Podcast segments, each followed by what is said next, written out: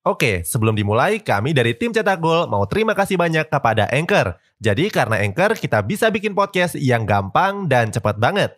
Mulai dari edit sampai share dan publish di banyak platform. Mulai dari Spotify, Apple Podcast, sampai platform podcast lainnya. Aplikasi Anchor ini gratis, bisa di-download di App Store dan Play Store, atau kamu juga bisa akses di website www.anchor.fm. Jadi sekali lagi terima kasih kepada Anchor yang bikin Cetak Gol punya podcast yang bisa kamu dengarkan sekarang. Sejak tahun 2005 yang lalu, Lionel Messi sudah dipercaya membela timnas Argentina.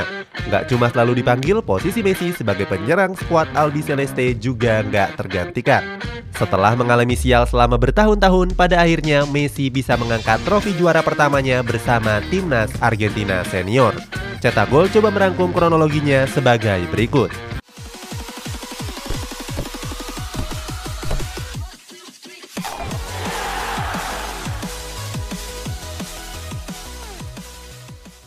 Sukses di level junior. Lionel Messi pernah mengejutkan publik sepak bola Argentina setelah berhasil membawa skuad Albi Celeste muda menjadi juara di Piala Dunia U20 tahun 2005. Pada kompetisi kelompok umur tersebut, Messi berhasil jadi kunci kemenangan timnas Argentina U20. Pada laga final melawan Nigeria, Messi berhasil mencetak dua gol penentu. Messi bahkan menyabet dua penghargaan individu sekaligus, dia dinobatkan sebagai pemain terbaik di sepanjang kompetisi sekaligus top skor dengan mencetak 6 gol. Sebelumnya Messi juga nggak pernah absen mencetak gol sejak memasuki babak knockout. Di laga semifinal melawan Brazil, Messi bahkan sudah mencetak gol pada menit 7 pertandingan. Nama Messi memang saat itu masih awam di telinga publik sepak bola Argentina. Alasannya Messi sudah hijrah ke Spanyol dan bergabung di Barcelona sejak umur 13 tahun. Hal tersebut membuat nama Messi tenggelam di antara pemain-pemain seperti Pablo Zabaleta dan Sergio Aguero. Keduanya sudah bersinar di Argentina sejak masih remaja. Di tahun yang sama sebenarnya Messi sudah menembus tim utama dari Barcelona. Akan tetapi Messi belum tampil secara reguler dan lebih sering didudukan di bangku cadangan.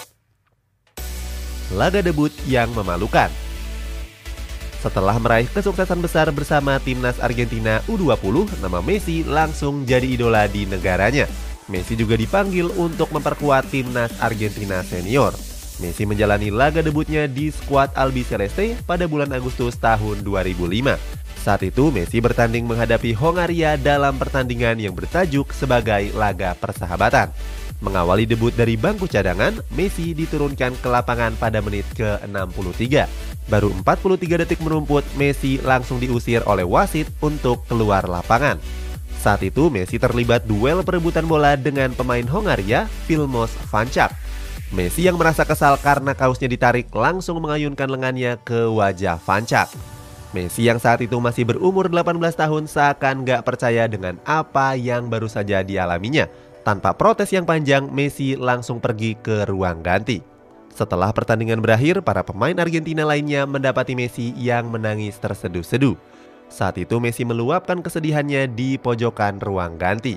Kartu merah tersebut seakan mencoreng laga debut Messi. Selain itu, kartu merah tersebut adalah kartu merah pertama yang Messi dapatkan sejak debut profesionalnya pada tahun 2004 yang lalu. Itu adalah tangisan pertama Messi bersama timnas Argentina senior. Masih ada tangisan-tangisan selanjutnya di beberapa tahun kemudian debut di Piala Dunia. Messi menjalani laga debut di kompetisi besarnya pada gelaran Piala Dunia 2006 di Jerman. Saat itu Argentina tergabung dalam grup C yang berisikan Pantai Gading, Serbia Montenegro, dan Belanda. Pada laga perdana babak grup C melawan Pantai Gading, Messi masih didudukan di bangku cadangan. Laga tersebut dimenangkan oleh Argentina dengan skor tipis 2-1. Messi mulai diturunkan pada laga kedua di babak grup C melawan Serbia Montenegro. Memasuki menit ke-74, Messi dimasukkan menggantikan Maxi Rodriguez. Baru 4 menit merumput, Messi langsung berkontribusi atas gol keempat Argentina.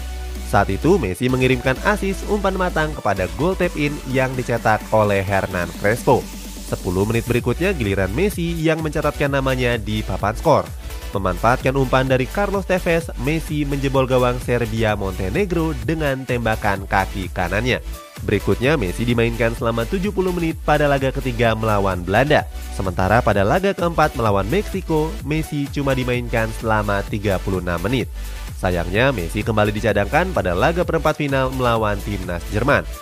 Berstatus sebagai tuan rumah, skuad Panzer berhasil memenangkan laga lewat drama adu penalti. Oke, sebelum dilanjut, ada yang penasaran nggak? Gimana caranya bikin dan nyebarin podcast yang kayak gini? Nah, ini karena tim cetak gol pakai Anchor. Mulai dari rekaman, edit suara, tambah lagu, sampai drag and drop bisa kita lakukan sendiri pakai Anchor. Satu aplikasi sudah bisa buat semua kebutuhan podcast. Bisa di-download dari App Store dan Play Store, atau bisa juga diakses dari website www.anchor.fm. Terus yang terpenting, Anchor ini gratis Download dan coba sendiri setelah tonton episode ini. Kegagalan di sejumlah partai final. Nasib Messi di timnas Argentina nggak seberuntung nasibnya di Barcelona. Berseragam Blaugrana, Messi sudah memenangkan sederet trofi bergengsi. Mulai dari 10 trofi La Liga, 7 trofi Copa del Rey, sampai 7 trofi Supercopa Spanyol. Nggak cuma di level domestik, Messi juga memenangkan sejumlah trofi level internasional. Messi sudah mempersembahkan 4 trofi Liga Champions, 3 trofi UEFA Super Cup, dan 3 trofi Piala Dunia antar klub. Torehan tersebut menjadikannya sebagai salah satu pemain terbaik dunia. Di timnas Argentina, Messi seakan dapat kutukan yang membuatnya sulit meraih juara. Padahal skuad Albi Celeste juga dibekali oleh pemain-pemain yang berkualitas. Pada tahun 2007, Messi berhasil bawa Argentina ke final Copa America di Venezuela Sayang mereka gagal keluar sebagai juara dan mengakui keunggulan dari Brazil dengan skor 3-0. Messi kembali berhasil membawa skuad Albi Celeste ke partai final Copa America 2015 di Chile. Apesnya Argentina dikalahkan oleh tim tuan rumah lewat drama adu penalti. Satu tahun berikutnya Messi berkesempatan juara trofi Copa America yang pertamanya.